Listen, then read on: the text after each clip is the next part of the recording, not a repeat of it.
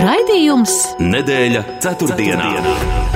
Sabiedrībā zināma cilvēku diskusija par nedēļas aktualitātēm katru ceturtdienu pēc pulksten 17.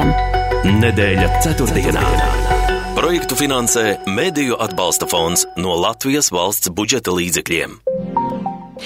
Sveicināti kurzemes radio klausītāji, tiekamies atkal šoreiz vasarīgas septembra ceturtdiena, ceturtdienas vakarā un pārunāsim atkal pēdējo septiņu dienu svarīgākos notikumus, kas noteikti nākotnē tā vai citādi ietekmēs mūsu ikdienu. Aizvadītajā piekdienā saima pēc ilgām debatēm apstiprināja jauno Evikas Siliņas izveidoto ministru kabinetu, līdz ar to vakar notika arī izmaiņas saimas prezidijā. Tostarp priekšsēdētāja amatā ievēlot Daigu Mieriņu, šajā amatā ZZS gan vispirms virzīja Gunāru Kūtri, kurš tomēr netika ievēlēts iepriekšējā dienā pausto uzskatu dēļ. Aizvadītajā nedēļā mazliet savādi likās notikumi ap veselības ministra krēslu, kā rezultātā klajā nāca informācija, ka veselības veselības nozare iespējams neseņems solīto finansējumu, bet tikmēr valsts kontrole nākusi klajā ar revīzijas datiem par onkoloģisko saslimšanu diagnostiku un ārstēšanu Latvijā. Ministrijas īstenotie pasākumi nenodrošina agrīnu onkoloģisko slimību atklāšanu un nepieciešamo zāļu kompensāciju. Šajās dienās ASV notika no ģenerālās asamblējas 78. sesija, tās laikā Ukrainas prezidenta uzruna aizskārusi Poliju sakarā ar graudu importu aizliegumu Polijā. Polija vakar izsauca Ukrainas vēstnieku sakarā ar Zelenska izteikumiem. Arī Latvijas prezidents Edgars Rinkēvičs uzrunāja apvienoto nāciju organizācijas ģenerālo asambleju un aicināja uz reformām ANO drošības padomē un panākt arī Krievijas atbildību par visiem kara noziegumiem Ukrainā. Bet šodien Kuldīgas rātslaukumā tika pacelts karoks par godu Kuldīgas vecpilsētas iekļaušanai UNESCO pasaules mantojuma sarakstā. Par kādiem no minētajiem tematiem šodien plašāk sarunāšos ar raidījuma viesiem. Ar Rīgas Stradiņa universitātes lektori, politoloģi Leldi Metlu Rozentāli. Labdien! Labdien! un Latvijas Tirdzniecības un Rūpniecības kameras prezidentu augstskolas turība īpašnieku Aigaru Rostovski. Labdien! Labdien! Jā, un iesākumā man tāds jautājums ievadām Kuldīgas vecpilsēta iekļauta UNESCO pasaules mantojuma sarakstā. Varbūt jūs tā, nu, cilvēki no malas varat varbūt pastāstīt arī kuldīdzniekiem, ko mēs iegūstam kuldīdznieki un kā varam šo statusu izmantot savā un Latvijas labā. Sākšu ar jums, Rostovska kungs.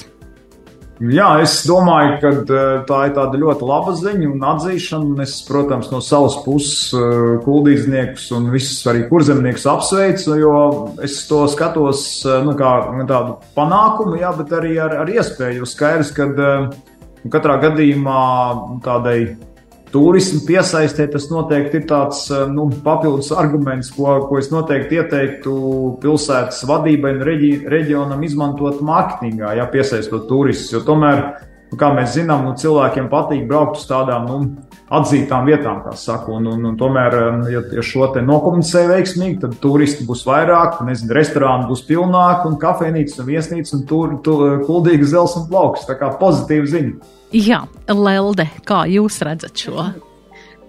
Jā, es eh, arī pievienojos eh, apsveikumiem, un tieši tā es domāju, ka eh, šāds pilsētas status, protams, ir viens no kritērijiem, it īpaši tiem kultūras turistiem, jeb arhitektūras turistiem, kuriem patīk apskatīt dažādas kā, atzinību guvušas vietas. Es domāju, ka tas noteikti motivē cilvēku, kas varbūt citādi izvēlējies visdrīzāk palikt tikai Rīgā, jo, nu, ņemot vērā, ka mums tā satiksmes infrastruktūra varbūt nav tā uh, ātrāk, tālākā, un līdz ar to nu, līdz kuldīgai ir kāds laiciņš, ko aizbraukt, tad es domāju, ka šis status varētu noteikti kalpot kā papildus ļoti būtisks motivators turistu uh, piesaistēji. Un, protams, es domāju, ka tas noteikti kalpo arī kā, um, nu, teiksim, kādu papildus atbalstu, finansiālo atbalstu piesaistes mehānisms, jo, uh, nu, šis status liek arī īpaši rūpēties par uh, dažādām, vai ne, ēkām, un iespējams, ka tas palīdz piesaistīt arī kādu papildus finansējumu no dažādām starptautiskām organizācijām, kas atbalsta tieši šādus te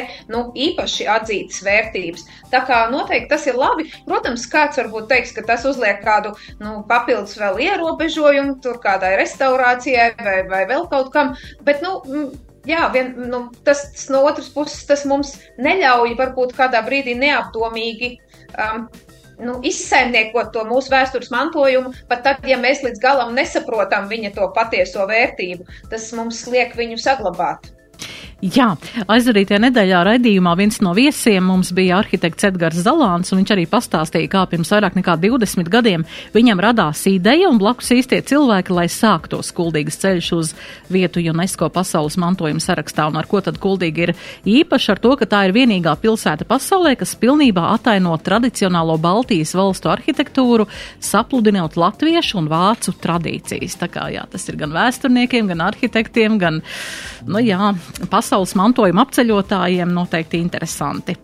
Jā, uh, interesanti arī bijusi aizvadītā nedēļa, aizvadītās septiņas dienas, un uh, varbūt es gribētu sākt ar to, ka mm, par šiem kandidātiem Dažiem, ko es gribētu izcelt, varbūt arī tā jūsu komentāru palūgt par to.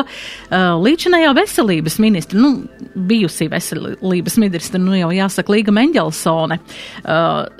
Mēs zinām sabiedrībā, ka viņa ir tāda, tāds nopietnas cilvēks, pragmatisks, domājošs un ar tādu skaidru domu, un tomēr bija kāda tāda, no viņas puses tādā, tāds gājiens, viņa iestājās tādā jaunajā vienotībā un, un pamato to ar to, ka bija tomēr viņa viņai tā kā uzaicinājums uh, būt arī veselības ministrei tā kā jaunajā valdībā, taču ceturtdien, nē, piekdien mēs uzzinājām, ka tomēr šis, um, šī kandidatūra ir, uh, viņas kandidatūra atsaukt, viņa nu, ir izstājusies jau no jaunās vienotības atsaukus tātad savu, savu iestāšanos un um, uzzinājusi arī to, ka nebūs uh, minētais finansējums vai nu pilnā apmērā vai tikai daļais no solītā, bet tas savā ziņā lika tādu pievērstu uzmanību, kā mm, tas viss notika.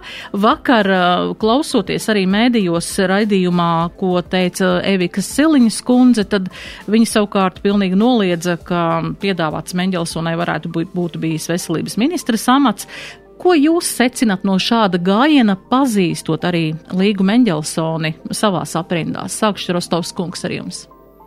Jā, nu, es domāju, ka te varbūt eh, caur šo jautājumu ir jāpanalizē tā lieta nedaudz plašāk. Un, um, faktiski tā viena no Latvijas problēmām un arī tādā zināmā, tā skaitā, ekonomikas atpalicībā un tādā varbūt nepārāk eh, profesionālā politikā ir tas, ka eh, mums eh, pietrūks tādu nu, lielu, plašu partiju, kur ir daudz cilvēku, kur ir daudz lielāka iekšējā konkurence, un attiecīgi tas ģenerētu daudz. Nu, Tur domnīca tas ģenerē daudz kvalitīvākus lēmumus, jo man ir grūti iedomāties nu, kaut kādās, teiksim, tādās nobriedušās Nu, rietumu civilizācijas ekonomikās, kur eh, es tur nezinu, piemēram, tur Britiem, ka tagad kāds tur eh, migrētu no vienas partijas uz otru un, un tikai tāpēc, lai būtu ministra amatā, tas vienkārši nav iedomājams. Tāpēc, ka tur ir uh, pilnīgi cits dziļums, citas tradīcijas un, un, un, un tas nav iespējams. Vienkārši mums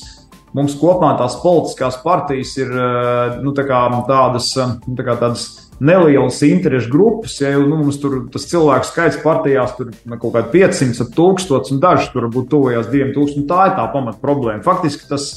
Caur šo raidījumu tas mans vēstījums ir tāds, ka mums vajadzētu sabiedriskajā politiskajā telpā apspriest, ka mēs varētu, varētu uzlikt latiņu, teiksim, kad ok, varbūt partija var nodibināt ar kaut kādiem 500 biedriem, bet, nu, attiecīgi, tur, eh, nezinu, kaut kādos tur divos gados vai trijos ir jāsniedz kaut kādi 3000 vai 5000, nu, kaut kāds skaits.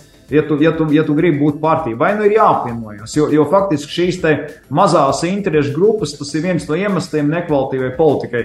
E, un savukārt jūs jautājat par, par Mendelsons kundzi. Jā, nu, protams, um, es viņu pazīstu, par cik viņa bija ilgus gadus um, LDD kā ģenerāldirektora, bet, godīgi sakot, es tādā e, privātā, privātā viņas tur rīcības algoritmā negribu iejaukties, un es par šo ar viņu neesmu runājis par. E, nu, tur, tur es domāju, ka kaut kāda visāda apstākļa, bet, bet tā, tas cēlonis patiesībā ir tieši tas, ka tās partijas ir mazas, ja, un tad, eh, tas, ko mēs redzam, ka bieži vien eh, cilvēki dēļ amati gatavi nu, mainīt, eh, staigāt pa tām partijām, un, un, un, un redzam, ka tās partijas arī sākās un beidzās. Līdz ar to tie cilvēki arī tās mazās partijas, nu, tā arī, tā arī uztver. Jā. Ja tā organizācija ir tāda liela, stabila, tas ir pilnīgi cits stāsts. Jā, Lelde. Jā, bet jāsaka, ka Meņķelsons kundze patiesībā nebija apvienotā saraksta biedra. Viņa bija viena no tām retajām ministrēm. Viņa tā kā sākumā stājās Pīlēna kunga dibinātajā biedrībā, bet tad saņemot, nu, teiksim, no savas bijušās jau darba vietas un kaut kā vispār no sabiedrības tādu tā kā jautājošu attieksmi, kāpēc tāda izvēle, viņa atkal izstājās, un principā tātad viņa kā veselības ministra darbojās, nu, kā neat, neatkarīgs cilvēks, ko virza apvienotais saraksts kā profesionāli, bet kurš nepieder pie apvienotā saraksta. Protams, mēs tajā redzējām arī problēmu, ka nav šī politiskā aizmugure līdz galam, jo tad, ja tu neesi īsti nu, partijas biedrs, tad tu neesi īsti mūsējais, un iespējams mēs līdz galam, nu, kaut kādos m, tādos um, izaicinājumu brīžos varbūt neesam gatavi nostāties aiz tevis un pateikt, jā, mēs tevi, nu, tā kā simtprocentīgi atbalstam un esam kopā ar tevi. Un uh, līdz ar to, ja Mendelsons kundze bija, nu, aicināta strādāt veselības nozarē, viņa bija par to izšķīrusies, tad iespējams šobrīd viņa domāja gluži loģiski, ka ja no vienotības nāk piedāvājums turpināt strādāt šajā veselības nozarē, un tā kā viņa īsti nevienu par partiju pirms tam nepārstāvēja, bet nu, bija kā profesionāls, tad eh, nu, ar tādu gluži pragmatisku skatu varbūt viņi nolēma, lai turpinātu šo, šo savu iesākto darbu, arī Iespējams, ka pie, piekrist, jo, nu, cik vismaz liecina, um, teiksim, kaut kāda neformāla informācija, tad, uh, nu, es, protams, nevaru apgalvot, tas bija, vai tas bija konkrēti ministra postens, bet arī starp, uh, teiksim, veselības ministrijas ierēģiem, nu, jāsaka tā, politkorekti klīda runas, ka Mendelsons kundze varētu palikt savā postenī arī jaunajā valdībā. Tā kā, nu, gluži jau laikam bez pamata tādas uh, runas neparādītos. Bet, nu, nu, acīm redzot, uh, pēc tam tie spēles noteikumi nedaudz mainījās, un ministra postenis gluži uh, viņai vairs, nu, vai vispār netika solīts. Un tad, kad tas tā skaidri tika pateikts, nevis vairs tikai caur kaut kādiem mājieniem, nu, tad savukārt, uh, iespējams, Mendelsons kundze izvērtēja, ka, ja viņa nevar turpināt to savu iesākto darbu, tad kāda jēga viņai piesaistīt sevi kādam politiskajam spēkam. Un jāsaka gan, ka viņa arī neiestājās vienotībā. Viņa uzrakstīja iesniegumu iesniegumu, nu, tā kā pieteikumu, bet šis pieteikums vēl nebija akceptēts, kad viņa jau paspēja viņu paņemt uh, atpakaļ. Tā kā jāsaka, viņa ir izdevies saglabāt savu politisko neutralitāti, jā, vairāk kārtīgi. Bet, nu, tā, es tā cilvēcīgi to varbūt skaidrotu. Jā, vēl par šo Gunāra Kūtra šo soli. Uh, un tai pašā laikā arī mēs zinām, ka vakar ievēlējām uh, saimnes prezidiju priekšsārētāju amatā Daigu Mieriņu, par kuru atkal parādījās jau, jau Twitterī, parādījās mēdījos jau atkal kādi izteikumi. Uh, kā jūs vērtējat, jā, šādus ZZS kandidātus?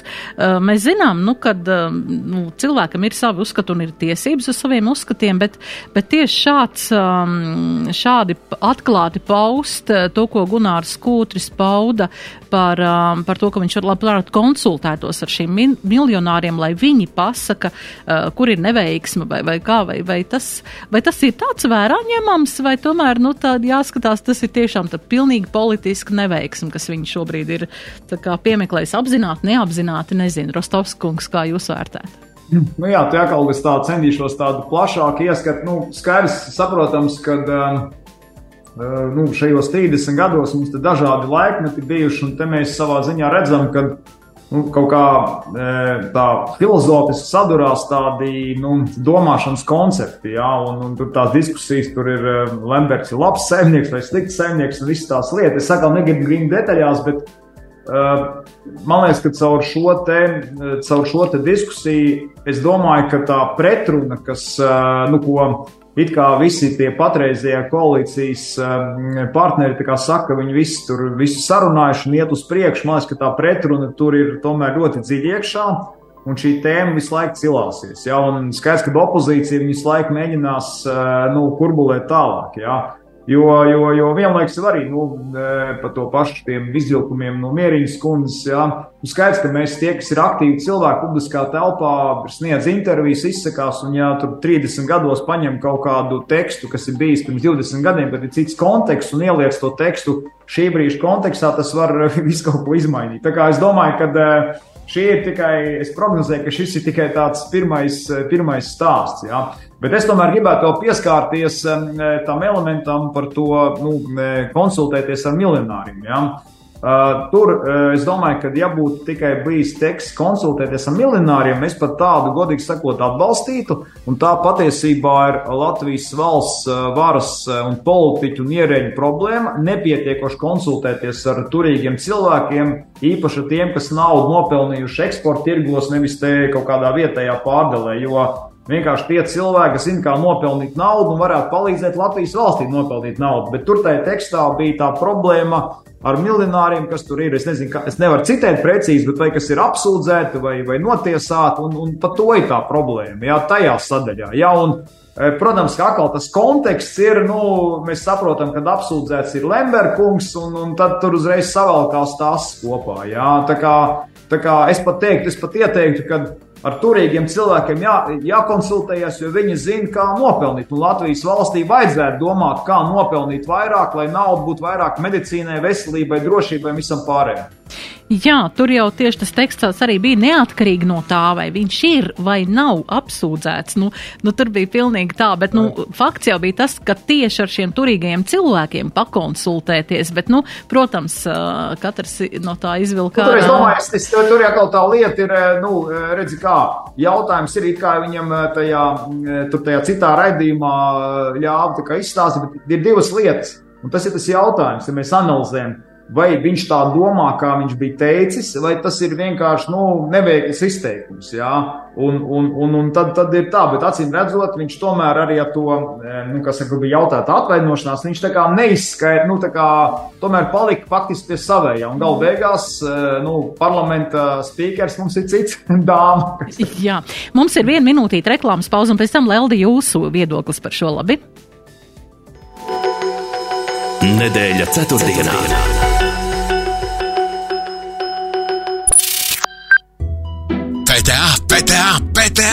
Vēl viena siltā vasara!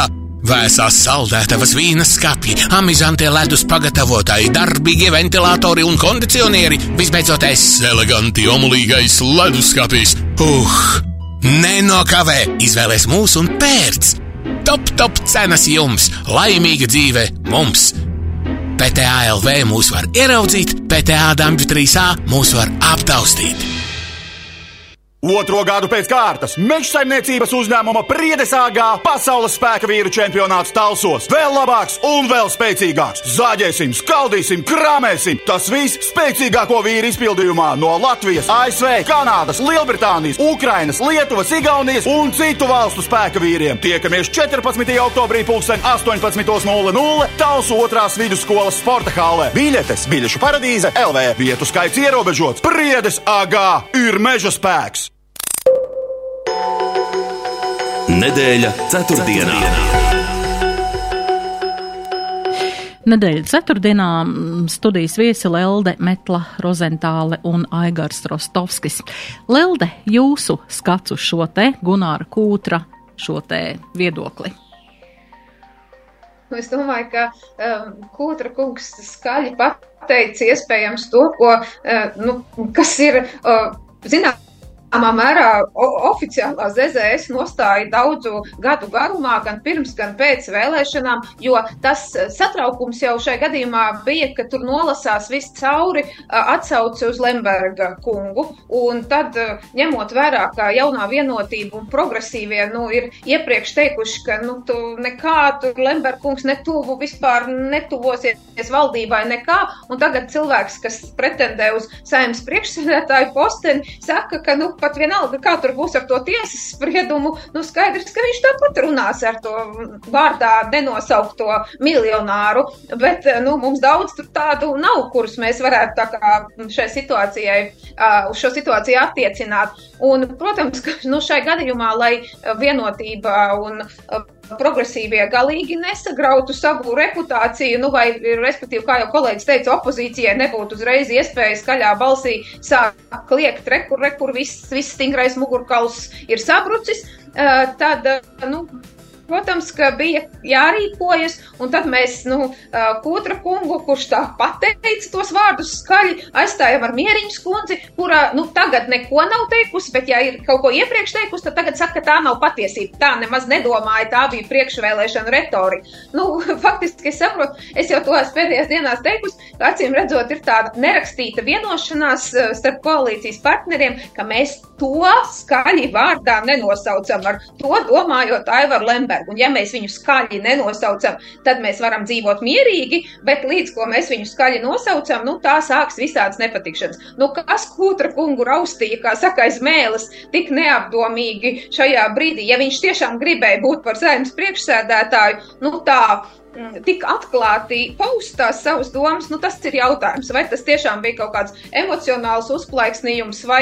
uh, varbūt no otras puses, nu gan jau kā arī ZZSā iekšā ir cilvēki, kas varbūt uzskata, ka šī te vienošanās par, nu, par nerunāšanu īsti neatbilst līdz galam viņu pārliecībai. Jo, ja viņi tiešām nu, tic tam Lemberga kunga faktoram un viņu atbalsta, tad iespējams, ka viņi varbūt pat jūtās nedaudz pazemoti, ka viņiem ir tā kā jāizliekās, ka nu, tagad mēs par to nerunājam. Un iespējams, ka Putrakungs, kā principiāls cilvēks, nolēma, ka viņš tomēr, nu, ka viņam nav ko zaudēt, tad viņš labāk pasaka savas domas un kā būs, tā būs. Nu, tā nevar teikt, ka nav ko zaudēt. Tomēr pazaudēja. pazaudēja svarīgu nu, amatu. Redzot, viņš apsvēra, ka tas viņam amats nav būtiskāks par principiem. Nu, ja, ja tā mēs uz to varam paraudzīties. Jā, runājot par šiem principiem, jā, vai nu, kā ir politiķim ar principiem, tomēr nu, ir, ir principi, nu, šajā gadījumā viņi traucē, piemēram, bet, nu, ja politiķis paliek bez saviem principiem, nu, tad, nu, kā, kā Rostovskungs, kā jūs redzat?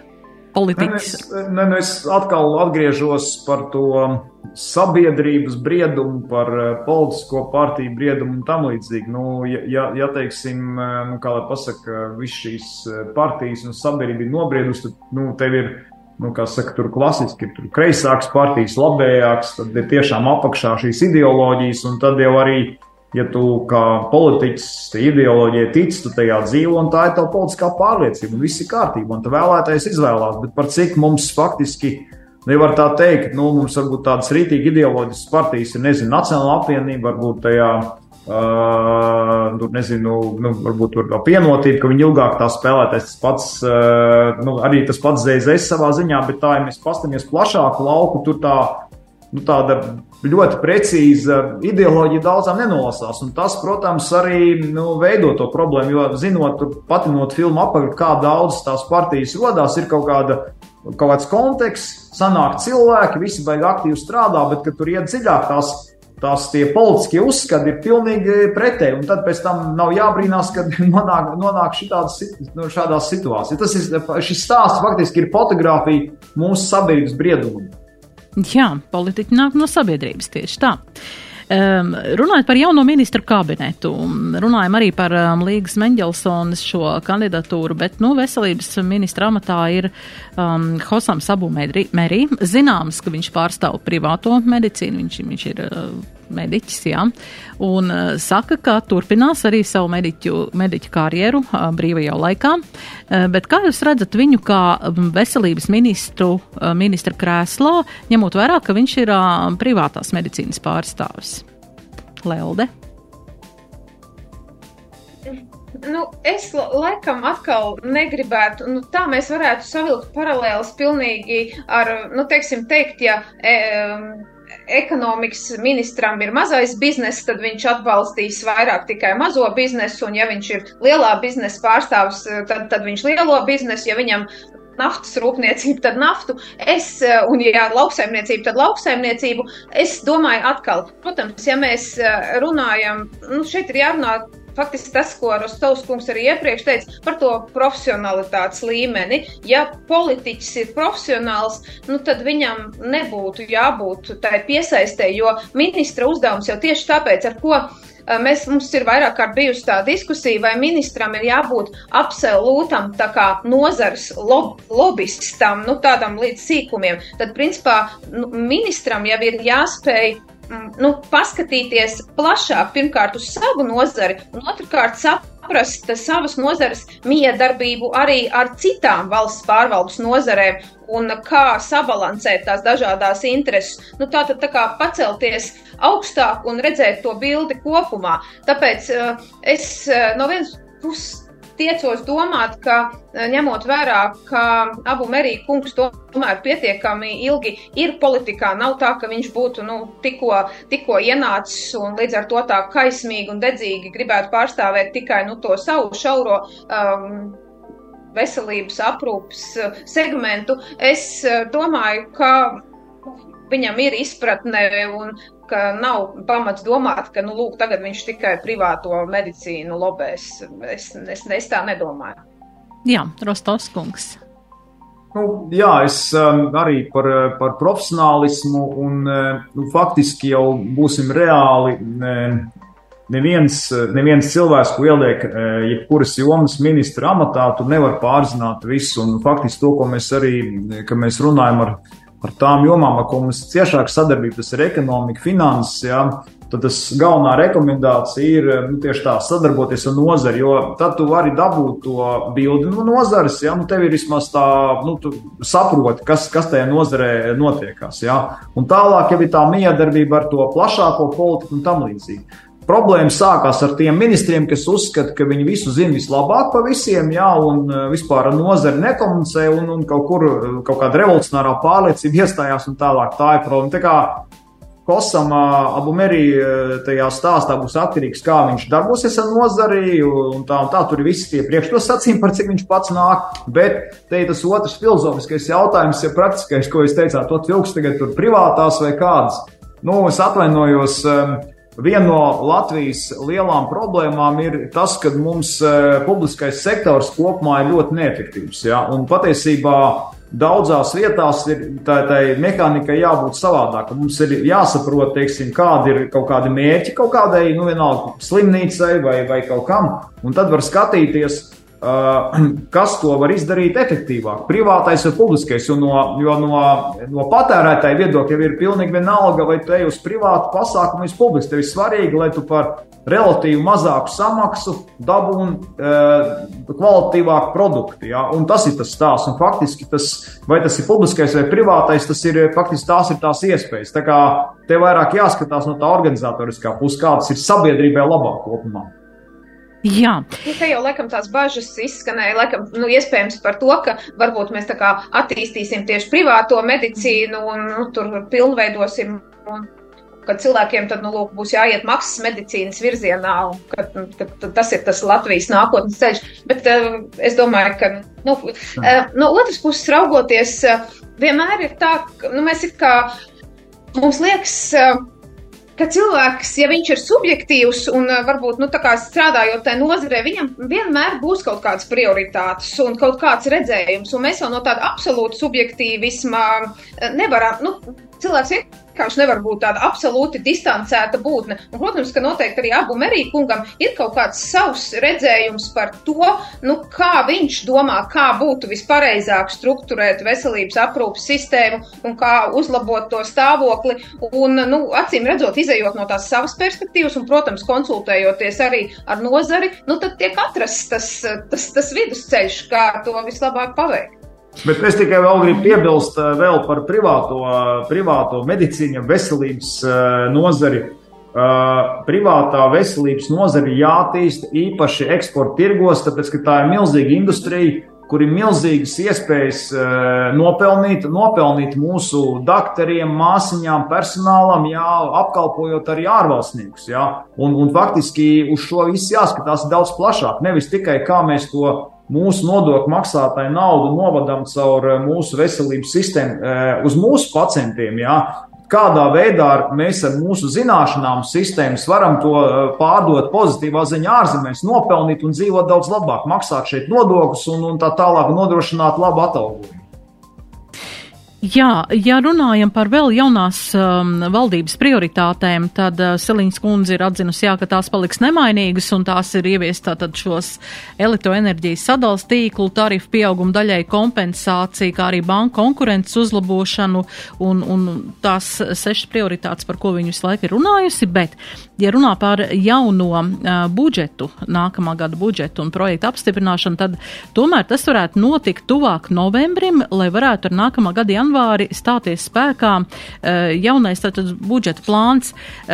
Kā jūs redzat šo tuvāk novembrim? Tas nozīmē, ka atkal būs ļoti īsts laiks, ja mēs kaut ko mainam nodokļos vai mainam kaut kādās, kaut ko būtisku, kā to pārkārtoties un kā eh, tuvāk novembrim tikai projekts, lai janvārī stātos spēkā. Kā jūs skatāties uz šādu, um, teiksim, nu, darba ātrumu uh, tieši uz budžeta pieņemšanu, Rostovskungs? Nu, jā, es pirms budžeta vēl vienu citu lietu gribētu pateikt. Un eh, mēs, protams, arī bijām sarunās ar koalīciju un, un, un, un, eh, un tā. Uh, respektīvi, un arī runājām tieši par, par to deklarācijas tekstu. Tas, kas man tur pietrūka, ja precīzāk mums pietrūka, redziet, kā mēs arī kā uzņēmēju organizācijas laiku runājam, ka mēs esam nu, Latvija viena no nabadzīgākām valstīm Eiropā, vajag lielākas ambīcijas. Mums ļoti simpatizēja, kad eh, prezidents kungs vai nu mums sadzirdējis, vai pats izdomājis, tas pat nav tik būtiski, ka viņš uzliek to latiņu, kad eh, līdz 2030. gadam vajadzētu būt starp Eiropas eh, labklājībā vidējiem, vidēju līmeni sasniegt. Tad man liekas loģiski, ja valsts pirmā amatpersona, prezidents, tomēr uzliek to latiņu, Es gribētu redzēt, kad eh, deklarācijā parādās, nu, kad parādās šis ceļš, kādā veidā valdība nu, to, to saliek tās kāpnītes. Ja? Līdz ar to vajadzēja parādīties kaut kādam izaugsmas ātrumam. Nezinu, ka tur būtu sarēķināts, ka mums ir gadā jāaug pa 5%, pa 6%. Ja? Un tad tas būtu saprotams, ka mēs to prezidentu uzstādījumu sasniegsim šādā veidā. Nu, tad tu vari mērīt, nu, tu vari mērīt, vai tas valdības darbs ir labs vai slikts. Un, un eh, šobrīd tas lielais mērījums nav, un tur vairāk ir tāda apaļa teikuma. Bet, ja runā par budžetu, tā, tā objektīvā realitāte ir tā, tas viss vēl uz to, kas, var, kas, kas ka budžets ticam būs vairāk tāds tehnisks budžets. Tas, par ko ir bažas, ka, protams, nu, daudzām jomām vajag naudu, un tās bažas, protams, ka var kaut kāds zaķīgs tikt izvilkts ārā, ka tagad kaut kādu nodokli uzliks virsū. Ja? Bet, eh, nu, kā saka, tas, tas nebūtu tas vēlams. Jo skaidrs, ka būtiski būtu kaut kādā brīdī tomēr nu, diskutēt eh, nu, plašāk par to budžetu. Un patiesībā to, ko mēs ierosinām, varētu tomēr atkal vismaz, varbūt nevar visas ministrijas, bet gadā paņemt, teiksim, kaut kādas divas vai katra partija pa vienai ministrijai, kur no, no nulles mēģinātu budžetu uz, uzbūvēt. Un tas prasa, protams, garāku laiku. Jā, mhm. Lelde. Nu jā, es domāju, ka respektīvi Tieši tā tas ir, ka ja mēs precīzi nenospraužam savas, nu, ne tikai tādas abstraktas prioritātes, mm. bet sasniedzamos mērķus, tad mēs arī attiecīgi nevaram saprast, kur un kādos punktos mums vajag vai nu virzīt papildus finansējumu, vai eh, kā, kāda ir tā nauda piešķiramā pretīm. Līdz ar to faktiski sanāk, ka vai nu mēs turpinām to budžetu veidot pēc iepriekšējā vienkārši copy-paste scenārija, ko mēs saucam par šo te tehnisko principā budžetu tātad tāds pats kā iepriekš, tā arī turpinam. Uh, nu, vai arī mēs kaut kā stihiski, varbūt nezinu, kura nu ministrija kaut ko vairāk uh, aktīvāk parunā, kurš ministrs ir ar lielākām caurši, caursišanas spējām vai pamatošanas spējām, tas tad arī nu, kaut kādam savam projektam dabū. Bet, principā, gluži loģiski būtu salikt no sākuma šo strateģisko izaugsmas plānu un pēc tam pretī attiecībā uz šo plānu arī salikt, nu, skaidri saprotam, to finanšu plūsmu. Jā, mums ir maza reklāmas pauzīte, viena minūtīte, un atkal turpināsim sabiedrībā zināma cilvēku diskusija par nedēļas aktualitātēm. Nedēļa ceturtdienā.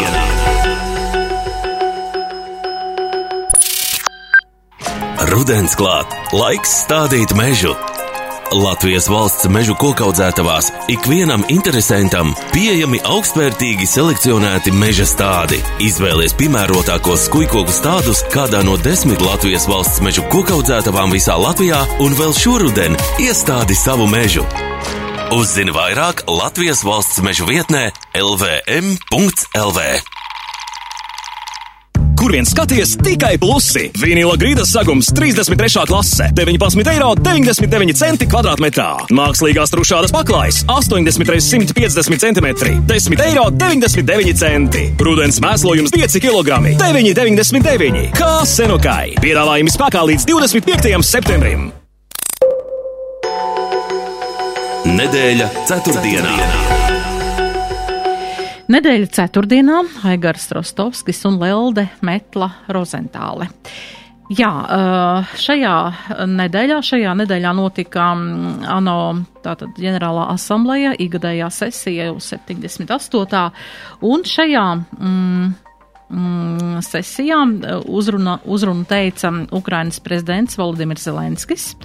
Un tas ir aizskāris polijas jūtas, jo Zelenskis ir pārmetis valstīm, kuras uh, izvēlās tātad. Uh, nepieņemt Ukrainas graudu šo, graudu šo eksportu, um, neiesaistīties tajā, un savukārt Polija pretī noliek to, ka viņi tomēr aizstāv savu lauksaimnieku un kad uh, ņem vērā to, ka šāds, var teikt, uzbrauciens tautas valodā teikt, ja, kad liek pārskatīt arī viņu tādas, nu, tādas skatījumu uz Ukrainu, uz, uz viņu tādām ambīcijām un uz to atgādina, kādu tomēr palīdzību Polija ir visu laiku sniegus no kara pirmās dienas uh, Ukrainai, un vakar tika izsaukts arī uz Polijas um, ārlietu ministriju arī Ukrainas vēstnieks.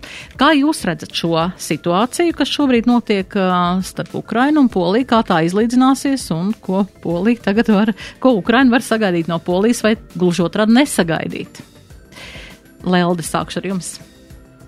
Mhm. Eh, nu, jāsaka, es domāju, ka Polija skaļi pateica to, ko viena daļa arī citas lielās valstis uh, nesaka skaļi, piemēram, Vācija, bet, nu, teiksim, kaut kādā mērā cenšas arī tātad rūpēties par tām savām iekšējām ekonomiskajām interesēm interesēm. Jo, ja sākotnēji bija, nu tā pavisam vienkārši bija vienošanās par to, kāds graudu apjoms no Ukrainas tad nāks uz uh, Eiropu, bet pēc tam izrādījās, ka tas graudu apjoms, kas nāk, ir krietni lielāks. Un, protams, ka tas uh, uh, nu, būtiski ietekmē un grauj polijas ekonomiku. Un ir jautājums par to robežu. Nu, kur tad mēs atbalstot Ukrainu, nu, esam cik, kurā brīdī mēs esam gatavi uh, nu, ziedot līdz galam savu ekonomiku. Nu, mums ir jābūt šajā te balansā. Un es domāju, ka šobrīd Polija sajūtot nu, pārāk lielu tomēr to savas ekonomikas apdraudējumu un ņemot vērā, ka viņi tomēr uzskata, ka, viņi, nu, ka tā nav, nav vienīgā tāda ziedošanās uh, Ukraiņas labā, ka viņi ir diezgan daudz devuši un atbalstījuši Ukrainu, ka, nu, varbūt, ka tomēr ir kaut kā jāparunā, lai tas process sanāk tāds apusēji, tomēr godīgs. Protams, saprotam to morālo aspektu, par to jau nav šaubu, ka nu, mums visiem ir jāsadodas rokā, lai palīdzētu Ukrai, rokās, lai palīdzētu Ukrainai, bet nu, mums katram arī ir jāizdzīvo, un, Ukrai, un Polijai tāpat ir jādzīvo. Un par to, ka tā situācija šobrīd nav līdz galam nu, tāda ka zināmā mērā lielvalstis varbūt saka, ka jā, mēs esam gatavi saglabāt esošo to atbalsta apjomu, bet varbūt tā kā, nu, bišķiņi nolikt to procesu tā kā uz tādas pauzes vai palikt pie esošā līmeņa, liecina arī tas, ka uz šo te uh, asamblēju neierodās ne uh, Lielbritānijas premjers, uh, ne uh, Francijas prezidents, kas saka, viņiem ir šobrīd citas svarīgākas lietas, aktuālākas, ar ko nodarboties, un līdz ar to to nu, eh, divu no, no, tur ir burtiski dažas šīs lielās valstis, kuras nosaka to kursu, um, eh, tātad ANO ietvaros, un ja divas no šīm te valstīm tā kā šoreiz saka, nu mēs eh, bišķiņi kā, izlaižam šo pasākumu, e, tad iespējams, ka nu, šobrīd ir tāda, varbūt, e, es negribu to saukt par pauzi, bet tāds jautājums par to, kā sabalansēt un pareizi atrast tās e, robežas starp lielvalstu nacionālajām interesēm un atbalstu Ukrainai. Jā, Rostovska kungs. Nu, jā, protams, šis te Polijas un Ukrainas konflikta elements, tas, protams, ir tāds neveikls un patiesībā vislielākais beneficārs no tā ir Krievija. Un es te pirms raidījuma tieši palasīju, saprotu, ka tur mūsu kolēģis Lietuvas prezidents ir uzņēmies kaut kādu vidutāju lomu un jācer, ka kaut kā izrod, iz, izdosies atrast to kompromisu, jo, jo skaidrs tieši tā, nu, katrai valstī ir kaut kādi iekšējie tirgi un, un, un, un nu, ja tos salauž, tad tur, tad tur ir iekšpolitiskas problēmas. Tā kā, un tad vienīg, vienīgais veids ir kaut kā meklēt risinājumu. Tas skaidrs, ka tajā iepriekšējā kombinācijā, kamēr nebija, nebija karš, tā e, Ukrainas tā labība gāja pa citiem ceļiem projām, un, un, un tas neskāra, kā saka, šos te polijas un citus tirgus. Vienkārši tas tagad ir sajauties. Tā kā tas mans galvenais vēlējums, lai viņi tur atrod kaut kādu kompromisu.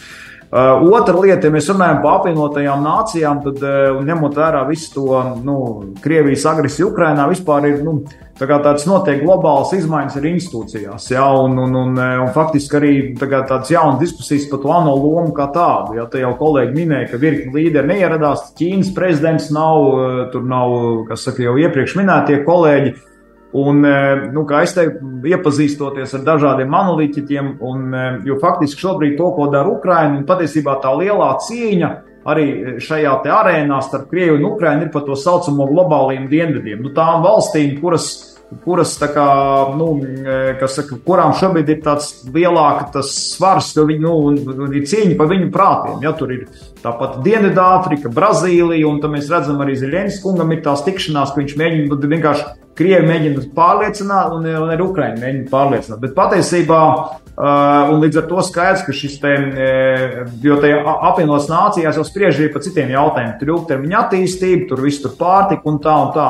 Bet patiesībā tie lielie notikumi notiek arī, kā mēs gribētu pievērst uzmanību Amerikā, jo šobrīd tas, tas kas arī nu, lielā mērā var, var, var skart eh, šo notikumus Ukrainā, jo šobrīd eh, ir iesniegta uz eh, tajā pārstāvu palātā nākamā tā, kas saka, atbalsta paku uz 40 miljardiem, un tur iekšā ir gan gan tā budžeta sadaļa, gan arī, ja nemaldos, 24 miljardi nākamā Ukraiņas atbalsta nauda. Un tur ir Tur ir šīs diskusijas starp republikāņiem, kas arī pārņēmuši pārstāvu palātu. Patiesībā tie lielie notikumi notiek tur, un, un cik var saprast, tāpēc arī tas Ziedonskis tagad brauc uz Vašingtonu, un tur būs tāds promocijas e, pasākums, kas ir pareizi jādara, lai nu, pārliecinātu, kā pārlaust to momentu, un tā nauda plūst tālāk. Jo, e, ja, ja, tās, ja tā nauda arī, jo Amerika ir iedavusi apmēram, ja nemaldos, kaut kur 100 miljardus, ja, un ja tā nauda apsīks, tad, protams, var būt zināmas problēmas, jo, nu, Pa visu ir jāmaksā, pa ieročiem ir jāmaksā. Ja? Tā kā uh, ļoti kompleksa situācija. Ja? Tā kā tajā rietumu civilizācija šobrīd nevar atļauties savā starpā strīdēties. Bet no otras puses, protams, ir redzama šobrīd tāda, ka Amerika ir tāds ļoti, nu, ļoti, ļoti aktīvs uh, spēlētājs visā šajā procesā. Savukārt Eiropas valstis uh, ir aktīvas, bet eh, nu, viņas tā kā saka mierīgi, jo es domāju, ka ir, kā vienmēr mēs sakam, ir ērti karot aiz okeāna, tad, kad tu esi, un tad tev ir pišķiņ tāda drošības distance, bet tad, kad tu saproti, ka tu esi tepat Eiropā un Krievija ir tev tepat aiz žoga, eh, tad, protams, ka, nu, tev tā, tie apstākļi ir nedaudz citādāki, un, eh, un tieši tāpēc arī, nu, jā, zināmā mērā ir tas mērķis runāt ar tām valstīm, kas šobrīd, kā jau Rostovs kungs teica, ir tās nu, tā neitrālās valstis, kuras nav ne īsti līdz galam Krievijas pusē, bet absolūti nav arī Ukraiņas pusē. Tur, jā, piemēram, tās Latīņa Amerika, Dien, Dienvidamerika Un, uh, lai mēs kā to, nu, tra, Amerikas prezidenta mērķis ir, lai pret Krieviju stāvošo valstu tas bloks, nu, maksimāli paplašinātos, lai nebūtu tā, ka ir tikai Eiropas Savienība un Amerika, bet lai mēs te varētu salikt vēl kaut kādu garāku ķēdi un varbūt tad tos svaru kausus kaut kā atkal, nu, vēl, vēl vairāk pārsvērt par labu Ukrainai.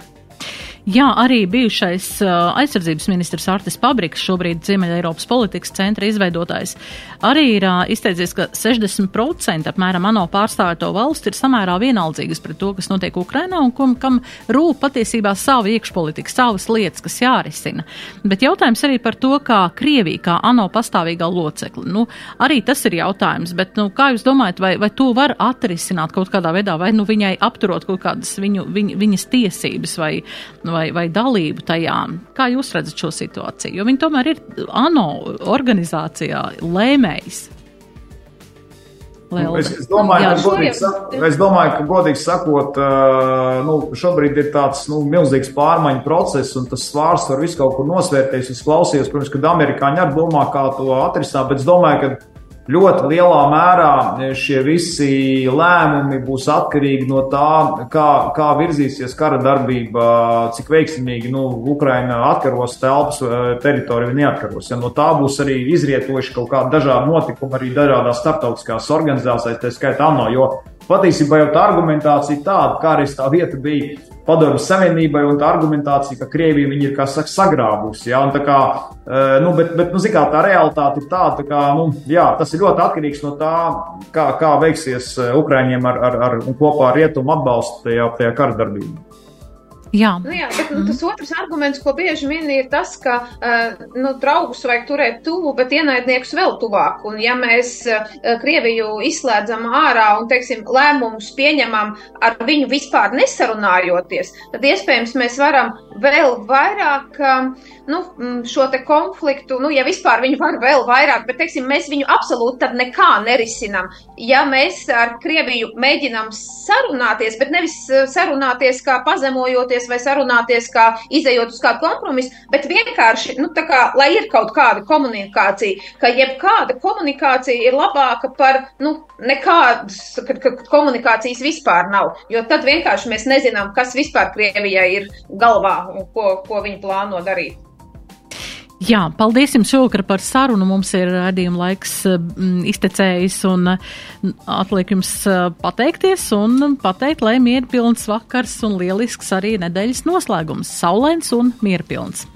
Jā, un eh, šodien sarunājos ar Rīgas Stradiņa universitātes lektori, politoloģi Leldi Metlu Rozentāli. Paldies jums! Vislab. un ar Latvijas Tirdzniecības Rūpniecības kameras prezidentu augstskolas turību īpašnieku Aigaru Rostovski. Paldies arī jums! Paldies! Producente Anna Andersone pie skaņu pults mana kolēģe Andelī, Adelīna Anna Ziemele un radījuma dēļas Daci Blūma uz tikšanos turpmāk. Raidījums Nedēļa ceturtdienā. Sabiedrībā zināma cilvēku diskusija par nedēļas aktualitātēm katru ceturtdienu pēc pulksten 17. Nedēļa ceturtdienā. Projektu finansē Mēdīju atbalsta fonds no Latvijas valsts budžeta līdzekļiem.